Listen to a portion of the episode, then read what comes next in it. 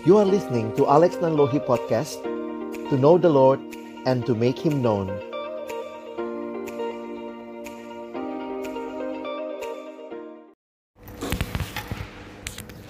Mari kita berdoa membaca merenungkan firman Tuhan.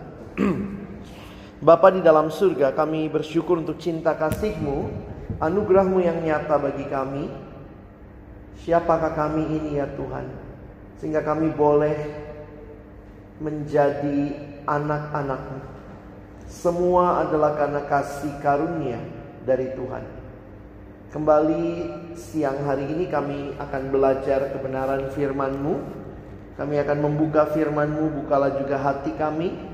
Jadikanlah hati kami seperti tanah yang baik Supaya ketika benih firman Tuhan ditaburkan boleh sungguh-sungguh berakar, bertumbuh Dan juga berbuah nyata di dalam kehidupan kami Berkati hambamu yang menyampaikan Setiap kami yang mendengar Tuhan tolonglah kami semua Agar kami bukan hanya menjadi pendengar-pendengar firman yang setia Tapi mampukan dengan kuasa dari rohmu yang kudus Kami dimampukan menjadi pelaku-pelaku firmanmu di dalam hidup kami, di dalam masa muda kami.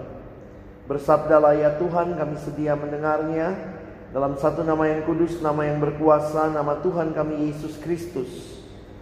Kami menyerahkan pemberitaan firman-Mu. Amin. Shalom. Selamat siang teman-teman. Maaf ini masih agak serak suaranya jadi begini. Kita bersyukur kalau siang hari ini kita mau belajar tentang apa itu true love dan fake love.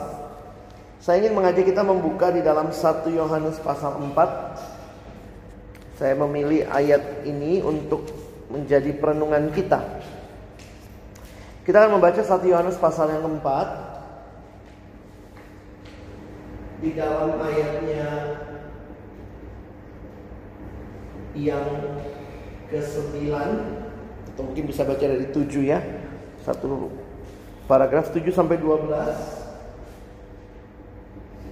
Dan nanti kita lihat ayat 20 dan 21. Mari kita baca bergantian.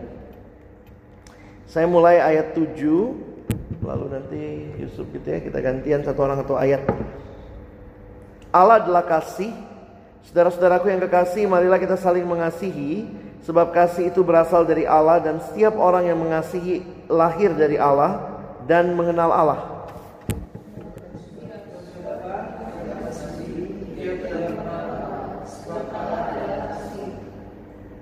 Lanjut lagi ayat berikutnya, satu orang satu ayat gitu ya.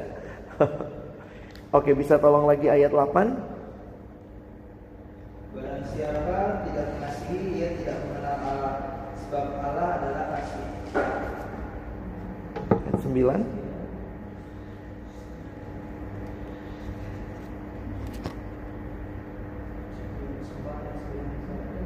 Dalam hal ini, tak kasih Allah dinyatakan di tengah kita, yaitu bahwa Allah telah mengutus anaknya yang meninggal ke dalam dunia supaya kita hidup olehnya. Inilah kasih itu bukan kita yang telah mengasihi Allah, tetapi Allah yang telah mengasihi kita dan yang telah mengutus anaknya sebagai pendamaian bagi dosa-dosa kita. Saudara-saudara yang terkasih, kalau Allah sedemikian mengasihi kita, maka haruslah kita juga saling mengasihi. Tidak ada seorang pun yang pernah melihat Allah. Jika kita saling mengasihi, Allah tetap dengan kita dan kasihnya sempurna di dalam kita. Jikalau seorang berkata, aku mengasihi Allah, dan ia membenci saudaranya, maka ia adalah pendusta. Karena barang siapa tidak mengasihi saudaranya yang dilihatnya, tidak mungkin mengasihi Allah yang tidak dilihatnya. Dan perintah ini kita terima dari dia. Barang siapa mengasihi Allah, ia harus juga mengasihi saudaranya. Nah teman-teman yang dikasihi Tuhan ada hal yang menarik untuk kita perhatikan sebelum kita nanti bisa menyimpulkan bedanya true love dengan faith. Memang ya kalau ada sesuatu yang pure, yang murni, yang asli selalu ada kawinnya. Ya. Sehingga juga waktu bicara love dunia juga bicara love. Kekristenan memulai atau secara khusus dalam perikop ini yang kita baca satu statement yang sangat jelas bahwa Allah adalah kasih. Jadi kalau kita mau bicara tentang kasih, tidak mungkin kita bicara tentang kasih kalau kita tidak mau bicara tentang Allah. Karena pada natur dasarnya Allah adalah kasih. Ini tidak reversible ya. Allah adalah kasih bukan berarti kasih adalah Allah. Jadi pemahaman ini bahwa Allah menyatakan kasihnya karena itu karakter yang melekat pada diri Allah. Nah, apa yang menarik untuk kita perhatikan bahwa kalau kita mau bicara tentang kasih, maka sejatinya, orang sekarang bilang hakikinya, kita harus bicara tentang Allah. Tetapi dunia bicara tentang kasih, atau sekarang kita pakai banyak kata, cinta, sayang, semua ini kan bahasa Indonesia-nya kasih. Ini bahasa Inggrisnya kan love. Nah, jadi kualitas kasih kita kalau kita mau belajar kasih mengasihi, harusnya kita belajar dari Allah. Kita bukan belajar dari dunia. Nah, ini yang saya ingin, kita sama-sama perhatikan. Saya minta teman-teman baca lagi ayat 7 sampai ayat yang ke-12. Coba lihat bagaimana Rasul Yohanes menyatakan tentang kasih itu.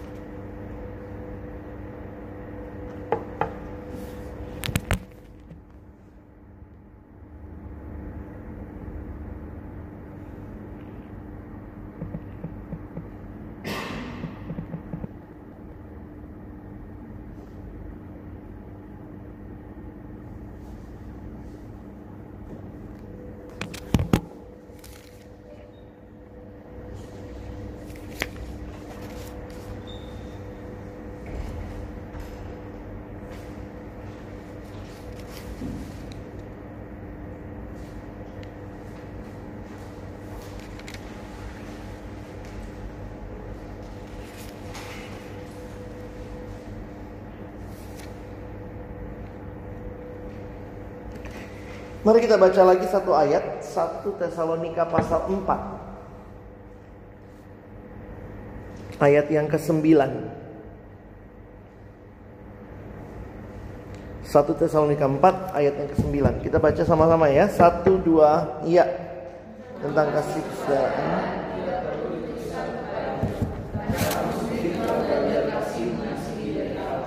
Jadi saya ingin memulai dengan mengajak kita melihat bisa kita belajar kasih terlepas dari Allah sehingga tempat untuk belajar kasih yang paling utama ya bukan drama Korea ya bukan film romantis Dilan dan teman-temannya tetapi mari belajar dari Allah. Bagaimana kesejatian kasih itu dibandingkan dengan dunia kita akan lihat sama-sama Nah, perhatikan ada dua hal yang menarik di dalam bagian yang kita baca pasal 1 Yohanes 4 tadi. Saya ingin bagi dua untuk teman-teman bisa pahami bagaimana Allah yang kasih itu menyatakan kasihnya. Jadi bagaimana orang bisa lihat ini kasihnya Allah. Nah ada dua hal yang disampaikan. Yang pertama Allah menyatakan kasihnya melalui anaknya Yesus Kristus. Nanti teman-teman kalau pelajari secara khusus saya ambil uh, generalisasinya begini.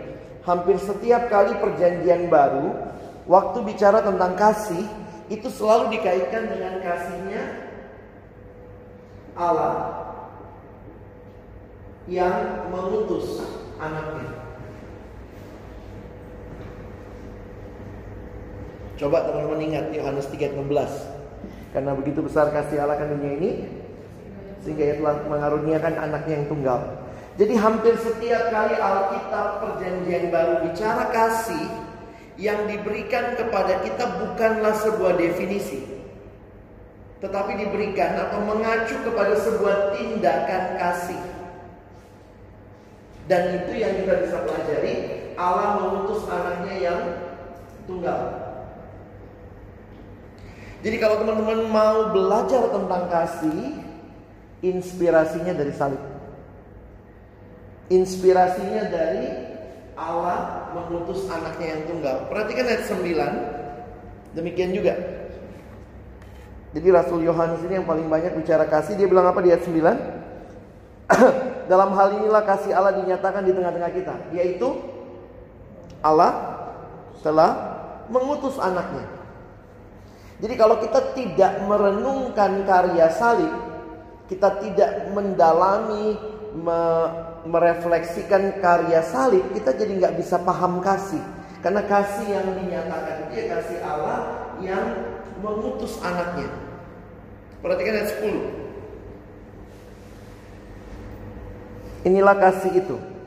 Harusnya kan gitu. Inilah kasih itu titik dua. Kasih adalah perasaan mendalam yang mengasihi. Harusnya kan begitu ya. Ini dia kasih definisi atau apa ini? Inilah inilah kasih itu. Titik dua lagi. Bukan kita yang telah mengasihi Allah, tapi Allah yang telah mengasihi kita. Jadi berarti sumbernya bukan kita. Tapi dia. Lalu balik lagi. Referensinya ke mana? Tetapi Allah yang telah mengutus anaknya sebagai pendamaian bagi dosa-dosa kita. Jadi waktu kita pelajari kasih, ya ini yang paling penting Allah adalah kasih, dia sumber kasih, itu dinyatakan di tindakannya untuk memberikan anaknya yang tunggal kepada kita. Jadi kalau kita mau belajar seperti apa kasih Allah itu, kita lihat apa yang terjadi di kayu salib. Ada beberapa hal yang indah kalau kita perhatikan di kayu salib bahwa apa yang Yesus nyatakan itu bukan melulu tentang dirinya. Tetapi fokus utamanya adalah kepada yang dikasihi. Kepada manusia. Coba perhatikan sebentar ayat 9. Apa tujuannya Allah mengutus anaknya? Supaya kita hidup. Ayat 9 bicara supaya kita hidup olehnya. Ada realita yang mengerikan ketika manusia di dalam dosa, manusia mati di dalam dosa. Karena itu kasih yang Allah berikan, kasih yang difokuskan kepada apa yang dialami manusia yang harusnya mati supaya kita hidup. Ayat 10 apa tujuannya? Allah mengutus anaknya sebagai pen, pendamaian bagi dosa-dosa kita.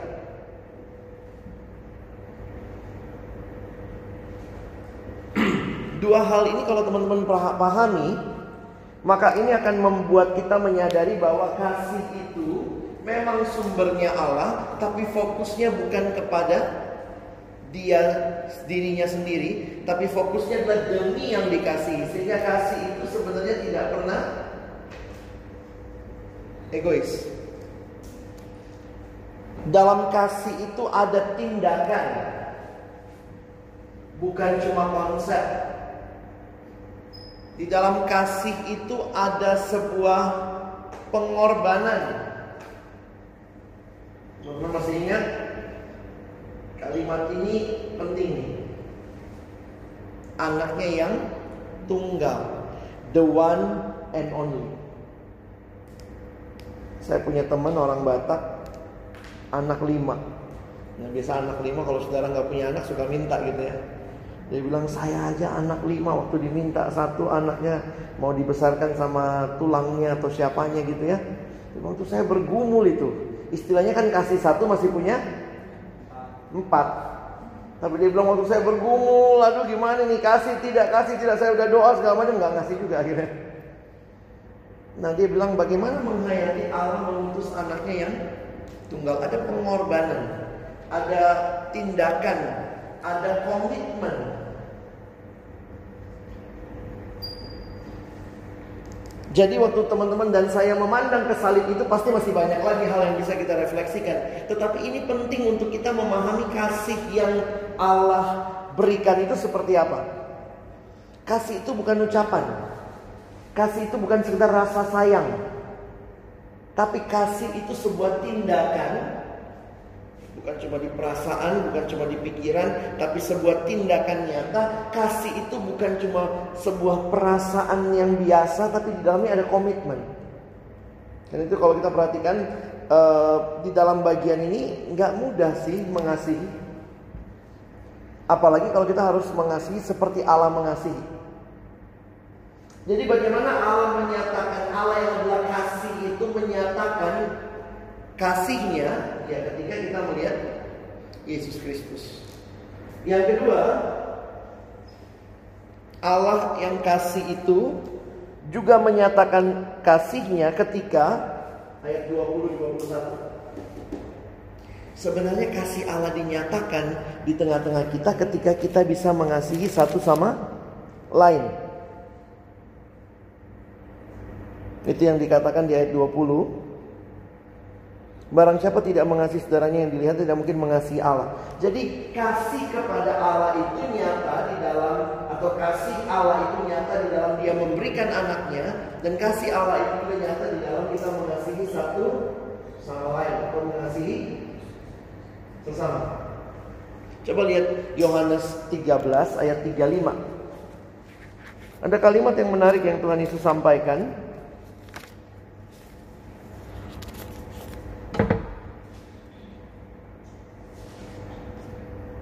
Saya baca 34, teman-teman baca 35 ya. Aku memberikan perintah baru kepadamu yaitu supaya kamu saling mengasihi sama seperti aku telah mengasihi kamu demikian pula kamu harus saling mengasihi.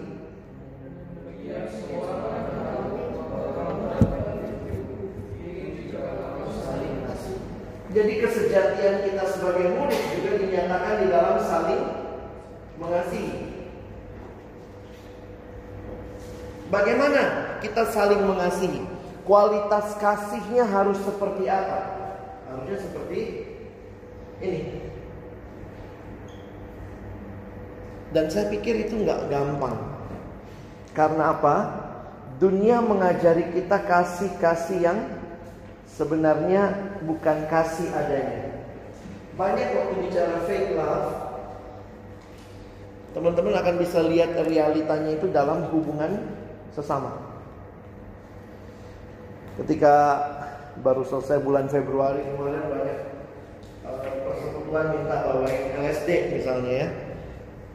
Lalu kemudian orang mulai berpikir tentang kasih. Lalu pertanyaan-pertanyaannya masuk begitu. Kak, kalau bukti kasih itu ya harusnya misalnya uh, ada pacarnya minta cium begitu ya. Kenapa? Ya pacarnya bilang kalau kamu mengasihiku ya cium dong gitu. Lalu naik lagi nanti habis cium, raba-raba kali ya. Habis itu kemudian, jadi banyak orang mengartikan kasih itu kepada apa yang saya dapat. Kasih itu bukan apa yang saya dapat. Kalau belajar kasih yang sejati, tetapi apa yang dia dapat. Love is not something we we, we uh, get from others, tapi sebenarnya true love itu apa yang kita berikan.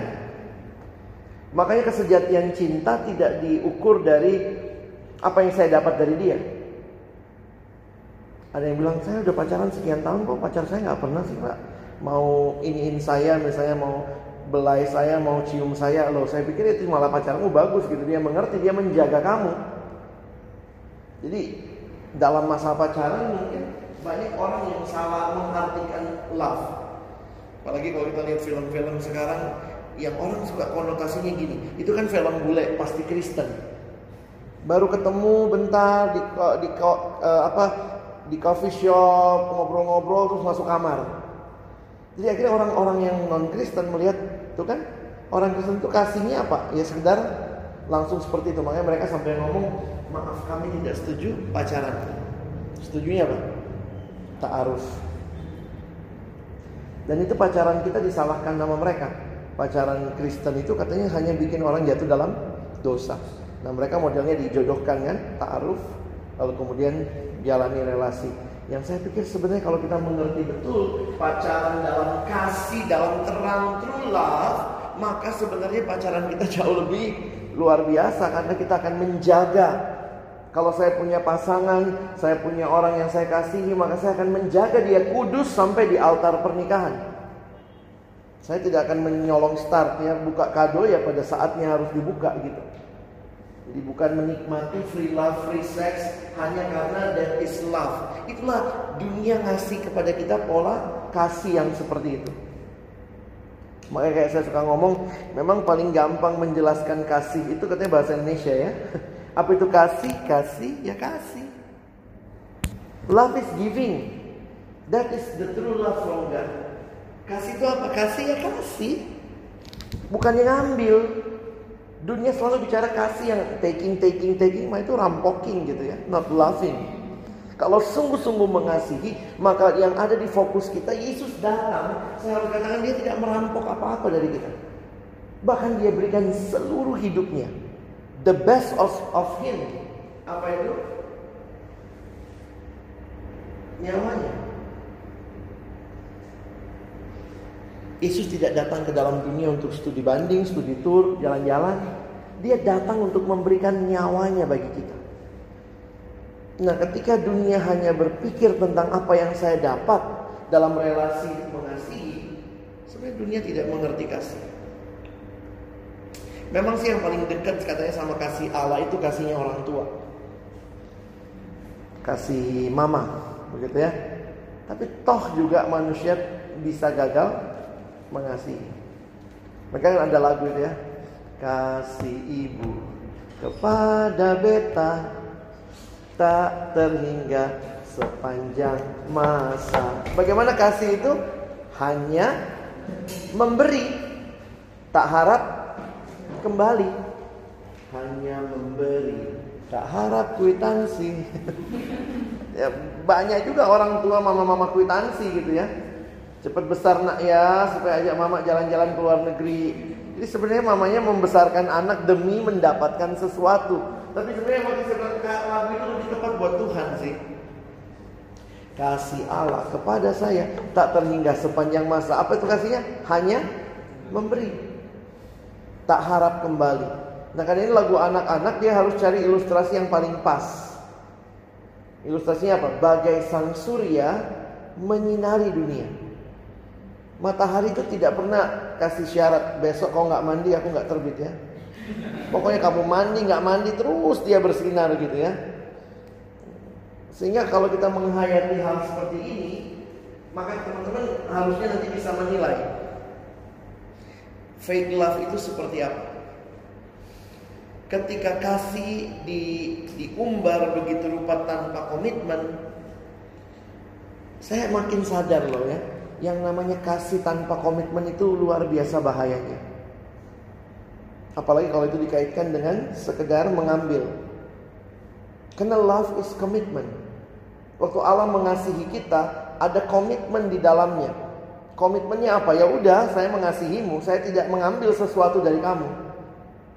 Jadi bayangkan kalau kasih tanpa komitmen lalu kasihnya hanya sekedar seperti itu, makanya banyak sekarang nggak nggak berani komitmen. Pengen pacaran, pengen sayang, uh, tidak mau pacaran karena status ini agak berat. Pengennya sayang-sayangan, pengennya dapat perhatian, tapi ya sudahlah kita kami ini friendzone. Astaga. Ini terjadi sama satu adik di gereja saya. Dia baru cerita mereka ambil friendzone begitu ya. Mereka deket jalan bareng tapi friendzone. Jadi poinnya begini, lu boleh cari yang lain, gue boleh cari yang lain. Tapi kalau nggak ada, selama nggak ada kita jalan bareng. Dan terakhirnya kan saling menyakiti. Gue nggak masalah sih kak kalau dia jalan sama orang lain. Serius bener.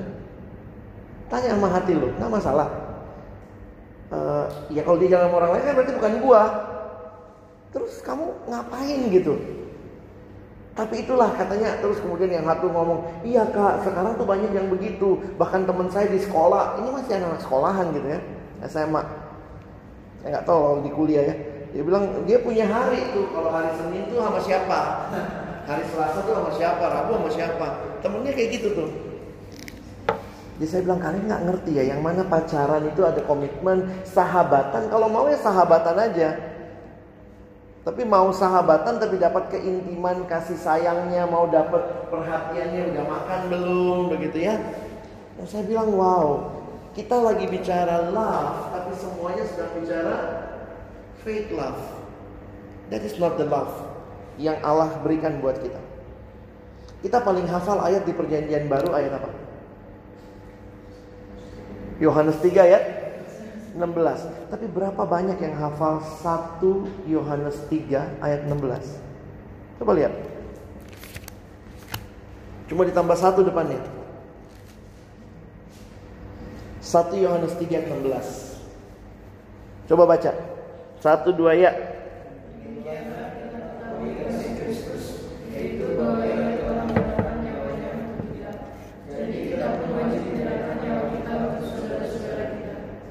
Pertama kali dapat ayat ini saya masih nggak terlalu ngeh, tapi waktu merenungkan kualitas kasih saya kepada sesama, karena begini, ke Allah itu abstrak.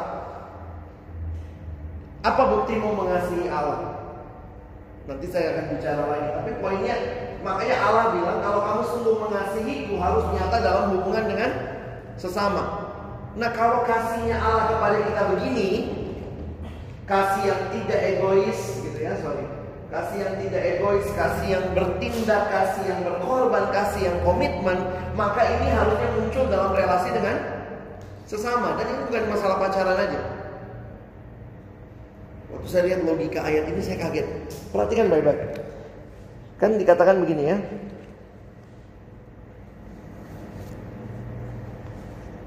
Demikianlah kita ketahui kasih Kristus. Ia, Kristus telah menyerahkan nyawanya untuk kita. Nah sebenarnya kan gampangnya begini. Kalau dia sudah menyerahkan nyawanya untuk saya, maka saya menyerahkan nyawa saya untuk dia. Impas kan? Tapi kalimatnya nggak gitu. Karena dia menyerahkan nyawanya buat saya, saya wajib menyerahkan nyawa saya untuk saudara-saudara. Lihat kiri kanan, rela mati nggak buat dia? Rela mati? Atau mungkin kita mikir kalau perlu lu yang mati buat gue ya. Kalimat ini bagi saya Tuhan nggak gampang mengasihi. Karena mengasihi itu bicara saya tidak bertindak egois, saya memberi kepada orang lain dan kualitas kasihnya yang seperti yang Tuhan mau. Allah telah memberikan anak yang tunggal, dia memberikan, memberikan nyawanya. Aku wajib memberikan nyawa buat saudara. Saya pikir, waduh, nggak gampang. Tapi puji Tuhan ayatnya nggak berhenti di situ ya. Kalau ayatnya berhenti di situ, kamu bisa bilang sama pendetamu, Pak, mati bagi saya ya. Kenapa? Kan ini bukti Bapak mengasihi saya. Ada ayatnya loh Pak, wajib lagi kalimatnya. Ini hukumnya wajib. Puji Tuhan ada ayat 17-nya ya. Barang siapa mempunyai harta duniawi melihat saudaranya menderita kekurangan tapi menutup pintu hatinya terhadap saudaranya itu, bagaimana kekasih Allah dapat tetap di dalam dirinya? Aplikasinya apa? Kalau dia butuhnya nyawa, kasih nyawa. Tapi kalau dia cuma butuh makan, kasih kasih makan. Butuh duit ya pinjemin duit kira-kira gitu kan. Jangan dia butuh makan kita bilang aku mati dong nggak ada gunanya juga gitu. Jadi Tuhan Yesus uh, sorry uh, firman Tuhan memberikan kepada kita standar. Sama seperti Kristus, the best of Him dia kasih nyawanya. Maka dalam mengasihi sesama manusia, the bestnya harus kasih nyawa. Tapi kalau yang dia butuhkan harta duniawi, berikanlah. Makanya baru ayat 18, ini penting nih. Anak-anakku marilah kita mengasihi bukan dengan perkataan atau dengan lidah, tetapi dengan perbuatan dan dalam kebenaran. Jadi bukan juga perbuatan mati konyol, tapi perbuatan dalam kebenaran. When we talk about love, standar kita bukan dunia, Allah. Sehingga kalau kita mau mengukur, sebenarnya saya sudah mengasihi Allah atau tidak, ukurlah bagaimana refleksi kasihmu kepada sesama. Kita bisa begitu gampang bilang mengasihi Allah. Apa sih bukti mengasihi Allah? Jadi sebenarnya kalau lihat ayatnya ini kalau bicara logika berpikir ya, ada ayat Yesus bilang kasihilah Tuhan Allahmu dengan segenap hatimu. Tapi ayat ini bilang bukan kita yang lebih dulu mengasihi Allah, tapi Allah yang lebih dulu mengasihi kita. Jadi logikanya harus bagaimana? Ketika Allah mengasihi saya, saya terima kasihnya itu, saya alami keselamatan, barulah saya bisa mengasihi dia. Bagaimana cara saya mengasihi dia? Seperti apa saya mengasihi dia? Saya harus lihat apa yang dia lakukan bagi saya. Karena Tuhan mau saya mengasihi seperti dia mengasihi. Makanya kita mengasihi Allah juga dengan memberikan segalanya. Nah, apa saja tindakan mengasihi Allah? Apa bukti cinta kita sama Tuhan? Yohanes 14 ayat 15 memberi jawaban juga buat kita ya. Coba lihat. Yohanes 14 ayat 15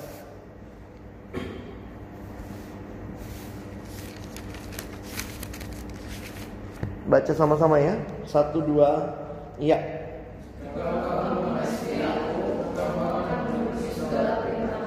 Mengasihi Tuhan itu identik dengan mentaatinya. Jadi bukti kita mengasihi Tuhan, kita mentaatinya. Mentaatinya itu bagaimana? Ya tentu sesuai dengan firman-Nya. Makanya kita membangun habit, kebiasaan, kita membangun sebuah disiplin rohani, membaca dan merenungkan firman Tuhan setiap hari. Itu kita lakukan buat bukan supaya bukan supaya dicek hamba Tuhan, dicek pemimpin kelompok kecil. Kita lakukan itu sebagai bentuk cinta kita kepada Tuhan. Setiap pagi waktu teman-teman mungkin mau rindu bersaat teduh, tujuannya apa sih? Kalau saat teduhmu supaya nanti takut ditanyain PKK pemimpin kelompok nanti gimana saat, saat teduhmu? Kalau itu yang kau lakukan demi itu, we miss the point. Harusnya kita melakukan itu dalam rangka saya mentaati Tuhan. Mengasihi Tuhan tidak dibuktikan dari berapa besar foto Yesus di kamarmu. Bukan. Bukan berapa besar foto Yesus di dompetmu. Dunia bicara kasih, banyak bicara simbol sarang lah, apalah gitu ya. Simbol-simbol yang kita bicarakan tapi kita lupa bahwa sebenarnya yang jauh lebih penting bukan apa yang disimbolkan, apa yang apa yang jadi simbol, tapi apa yang disimbolkan. Apa kenapa simbol itu dipakai? Jadi waktu saya mengerti hal ini, kalau saya mengasihi Allah, saya akan taat firman Nanti kita bisa bangun lagi bagaimana saya taat dalam ibadah, saya datang dalam komunitas, semua ini demi saya mentaati Tuhan dan mengasihi Dia. Dan kemudian bagaimana itu tercermin dalam kasih kepada sesama. Jadi dari sini saya harap teman-teman sendiri yang nyimpulin fake love kayak gitu kayak apa. Kalau true love seperti ini, maka fake love seperti apa? Kadang-kadang dunia Ya kita dibombardir sama film romantis. Kasih itu ah, aku janji bawa kamu ke bulan. Astaga. Jadi hal-hal yang romantic love Akhirnya kita lihat hanya sebagai gombal Cuma janji. Tapi Allah tidak memberikan janji Dia kasih anaknya Love is giving satu waktu saya tutup dengan ini ya. Uh, ketika malam Natal, jadi pendeta ini berkhotbah di satu gereja. Dia mau menggambarkan betapa sulitnya memahami kasih sebenarnya. Jadi kasih itu memang ada uh, teman-teman judul khotbahnya aja udah serem ya malam Natal judul khotbahnya waktu itu saya ikut dilema kasih. Jadi dia mau mencoba menolong kami mengerti kasih. Nah saya ingat sekali khotbahnya sampai hari ini. Dia pakai ayat yang singkat, ayat yang sederhana. Yohanes 3 ayat 16. Nah coba ya, saya mau coba sama kalian. Coba hayati kasih itu seperti apa. Saya, saya harap kalian dapat glimpse-nya gitu ya. Kasih itu seperti apa.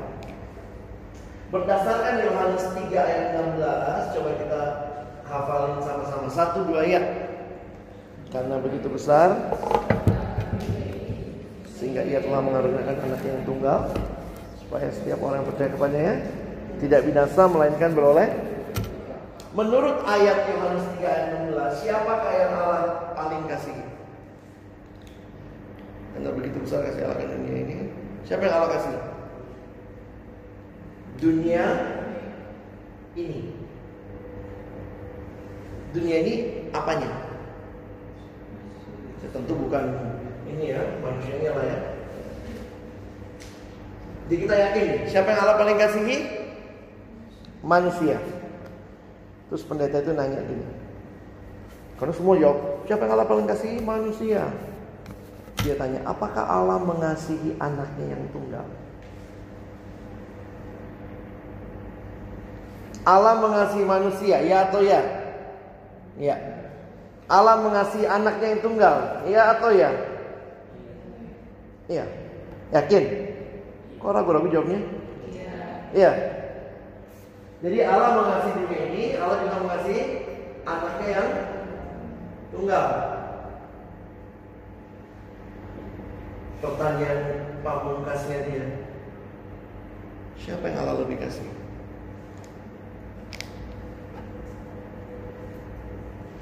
Siapa yang Allah lebih kasih? Manusia. Kalau bapakmu di rumah lebih sayang anak tetangga, aneh nggak dia? Misalnya ada anak tetangga kemarin mecahin kaca mobil, terus bapakmu bilang gini, nak kau mati ya, bapak mau angkat anak yang mecahin kaca mobil kita kemarin.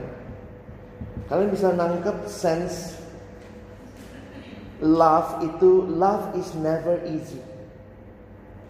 Love is very tough. Love is commitment. Love is sacrifice. Love is not taking, enjoying. Bukan sekedar satisfied, tapi nggak benar. Waktu ditanya gitu, siapa yang Allah lebih kasih? Banyak yang jawab, manusia. Saya pikir nggak masuk akal juga. Kalau Allah lebih mengasihi manusia ya. Makanya pendetanya di akhir khotbah tahu nggak ngomongnya apa? Saya nggak bisa jawab pertanyaan ini. Tapi yang saya tahu, demi mengasihi manusia, dia harus kasih anaknya yang tunggal, yang sangat dia kasihi. Jadi kalau kita baca Yohanes 3:16 dengan bahasa ini, karena begitu besar kasih Allah kepada manusia yang sangat dia kasihi, sehingga dia memberikan anak yang tunggal yang juga sangat dia kasihi. Kasih itu komitmen tindakan. Bukan demi diri, tapi demi orang yang dikasih. Dan itu nyata di kayu salib.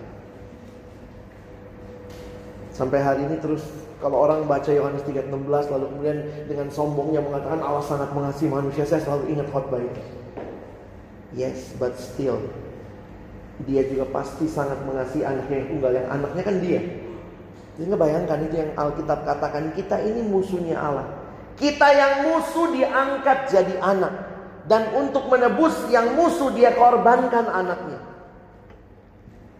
Makanya beberapa teolog yang bicara soal ini yang namanya propitiation lalu apa Allah menggantikan anak yang tunggal dia bilang kalau ada Komnas Perlindungan Anak Allah Bapa tuh masuk Komnas HAM itu.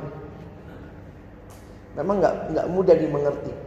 Makanya aku saya lihat iya ya pantas. Setiap kali Allah bicara kasih di perjanjian baru dia tidak bicara definisi. Dia bilang look at the cross. Itu yang saya lakukan buat kamu di kayu salib. Sehingga saya sangat sering kali marah sekali ketika orang bicara kasih saat ini tapi kasih yang sangat egois. Kita bicara kasih kasih yang ngambil. Kalau lu sayang sama gua lu lakuin ini dong buat gua sehingga hal-hal yang tidak benar dilakukan. Saya pikir wow dunia memperkenalkan kasih-kasih yang model begitu. Belum lagi kita lihat uh, infotainment mungkin atau entertainment atau apalah yang di TV yang seolah-olah kasih itu begitu murahan. Tapi waktu kita mengenal kasih ini, nah mungkin sederhananya seperti apa? Mungkin nggak kita punya relasi-relasi yang belum dibereskan dengan orang tua, dengan sahabat, dengan mungkin kakak beradik. Kadang-kadang susah loh mengampuni, memaafkan. Tapi kasih itu mengampuni. Kasih itu memaafkan. Ada satu artikel yang saya baca dia bilang begini, ketika orang mengampuni sebenarnya logikanya begini, siapa yang nanggung kerugiannya? Misalnya ya, siapa nih? Uh, Rista nyolong dari saya. Dia nyolong 500 juta. Yakinlah saya nggak punya itu ya. Tapi anggaplah dia nyolong 500 juta dari saya. Terus kemudian akhirnya saya rugi kan 500 juta. Terus dia udah pakai tuh duit. Habis itu 50 tahun eh, kemudian dia datang lagi dan kemudian saya ampuni dia. Waktu saya ampuni dia, siapa yang nanggung kerugiannya? Yang ngampunin. Karena saya nggak minta balik ya. Pengampunan ada harga yang dibayar dan harga itu dibayar oleh yang ngampunin. Itu persis kasih yang rela berkorban. Kita itu harusnya binasa. Tuhan malah kasih anaknya buat kita. Anak yang binasa kita yang hidup. Supaya kita hidup olehnya. Supaya kita didamaikan. Banyak orang masih sulit mengampuni. Kenapa dia yang salah kok kak? Dia yang salah kok bang? Mamaku cerewet banget sih. Makanya aku nggak suka lah sama dia. Kenapa sih gue lahir di keluarga kayak gini? Kenapa papaku dia? Kenapa mamaku dia? Kebanyakan nonton film Indonesia kali ya. Sehingga yang muncul adalah fake love. Apa? Kalau diinjak kakimu, injak lagi kakinya. Kalau perlu kepalanya. Itulah cara kita dibesarkan. Not with the true love, but with the fake love. Saya baru pelajari ya beberapa tahun lalu pakai mempelajari kenapa di Alkitab ada pembatasan hukuman. Kalau kalian anak hukum sebenarnya ngerti ada yang namanya retaliation. Mata ganti mata, gigi ganti gigi. Awalnya kan kalau lihat ayat itu gila, serem banget sih Tuhan kita. Tapi ternyata itu adalah hukum pembatasan. Harus ada hukum yang membatasi hukuman. Kalau yang rusak matanya diganti mata, karena kecenderungan manusia apa? Lu injek kaki gua, gua maunya injek kaki lu, kepala lu, kaki mama lu, kaki papa lu, kaki anak lu, gua bunuhin semua keluarga lu gara-gara lu injek kaki gua. Makanya Tuhan kasih hukuman kalau yang rusak mata gantinya mata aja. Kalau yang rusak gigi gantinya gigi aja jangan gigi anaknya, gigi saudaranya. Itu cara kita dibesarkan. Kita dibesarkan dengan dunia yang penuh dengan balas dendam, dunia yang penuh dengan kasih yang fake. Dengan alasan keadilan banyak orang justru melakukan ketidakbenaran. Tapi kasih Allah, kasih yang benar-benar ketika dia berkata aku mengampuni, dia take the risk dan saya pikir mungkin kalian mesti lihat lagi. Are you living out a true love or a fake love?